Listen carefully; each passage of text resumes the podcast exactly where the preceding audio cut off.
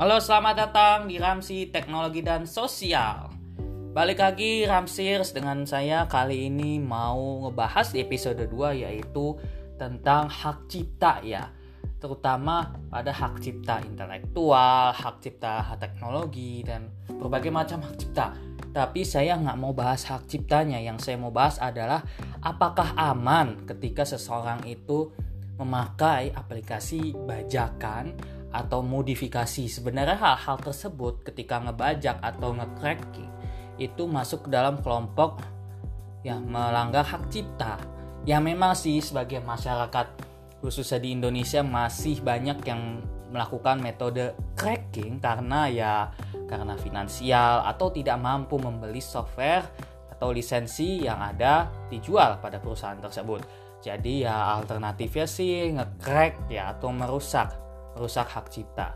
Oke, saya nggak mau bahas tentang bagaimana hukum atau pasalnya, tapi saya mau bahas tentang apakah aman ketika seseorang menggunakan aplikasi atau software yang di-crack atau yang dibajak atau banyak sih sekarang istilahnya pre-activated atau juga ya full activated atau apa pun lah itu bahasanya. Jadi ketika seseorang menggunakan aplikasi bajakan, memang banyak sekali riset yang sudah menunjukkan bahwasanya aplikasi yang dibajak atau yang di-crack itu mengandung malware atau virus atau bahkan yang paling parah kuda trojan. Ya, trojan horse atau paling parahnya lagi sampai WannaCry yang pernah viral di beberapa tahun sebelumnya.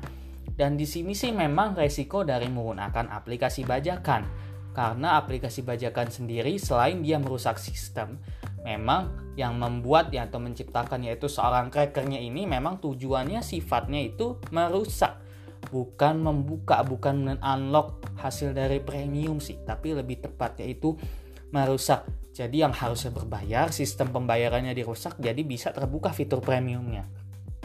Banyak sih yang di crack.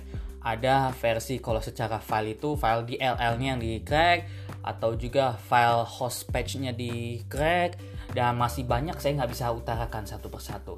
Jadi intinya adalah apakah aman menggunakan aplikasi atau software bajakan? Jawabannya adalah aman atau nggak aman.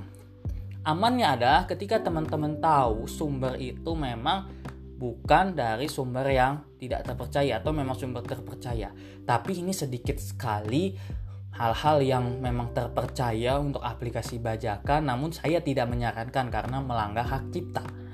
Melanggar hak undang-undang tentang perlindungan elektronik atau apalah itu saya nggak hafal sebutannya. Yang jelas aman selama teman-teman mendapatkan sumber aplikasi atau software bajakan itu dari website terpercaya. Tapi itu sedikit sekali ya. Kedua tidak aman. Kenapa tidak aman? Memang pasti semua aplikasi bajakan itu kebanyakan mengandung malware atau virus. Ada memang beberapa sedikit aplikasi bajakan atau software bajakan dia membajaknya itu sistemnya by license atau lisensi. Jadi ketika lisensinya sudah bisa ditebak atau memang ada key generatornya itu lalu dimasukkan ke dalam produk atau software bajakan, ya jadinya terbuka. Dan itu emang ada beberapa fitur seperti itu. Namun yang jelas untuk yang tak aman ini memang 100% semuanya tidak ada yang aman kalau aplikasi atau software bajakan. Tadi sudah saya katakan di awal sebelumnya mengandung malware, virus, bahkan kuda trojan ya, trojan horse atau bahkan sampai WannaCry.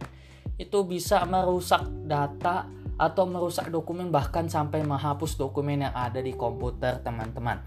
Dan ya pahit sih ya ketika sudah membuat skripsi lalu tahu-tahu seakan ada malware atau virus merusak wah jadi kerjaan banget jadi repot. Semuanya terinskripsi atau bahkan ada yang merusak atau hilang. Itu sangat merugikan sekali dari sisi pengguna.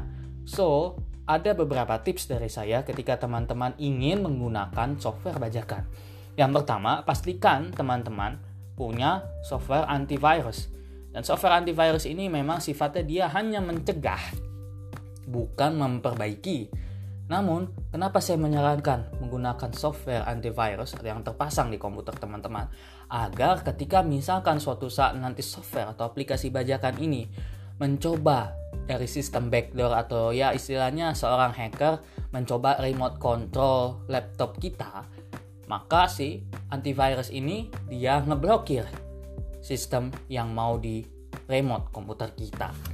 Jadi mungkin itu saja untuk episode 2 kali ini. So stay safe dan juga teman-teman harap perhatikan di luar sana banyak sekali software bajakan atau aplikasi bajakan yang mengandung malware atau virus atau bahkan sampai adware. Adware yang tidak diinginkan sehingga terpasang sendiri membuat komputer menjadi berat. Ya sekalipun komputernya itu komponennya SSD penyimpanannya namun kalau di background ketika komputer menyala itu berjalan sama saja bohong jadi memberatkan memori. Oke, demikian dari saya Ramsir dan sampai jumpa di episode berikutnya. Bye.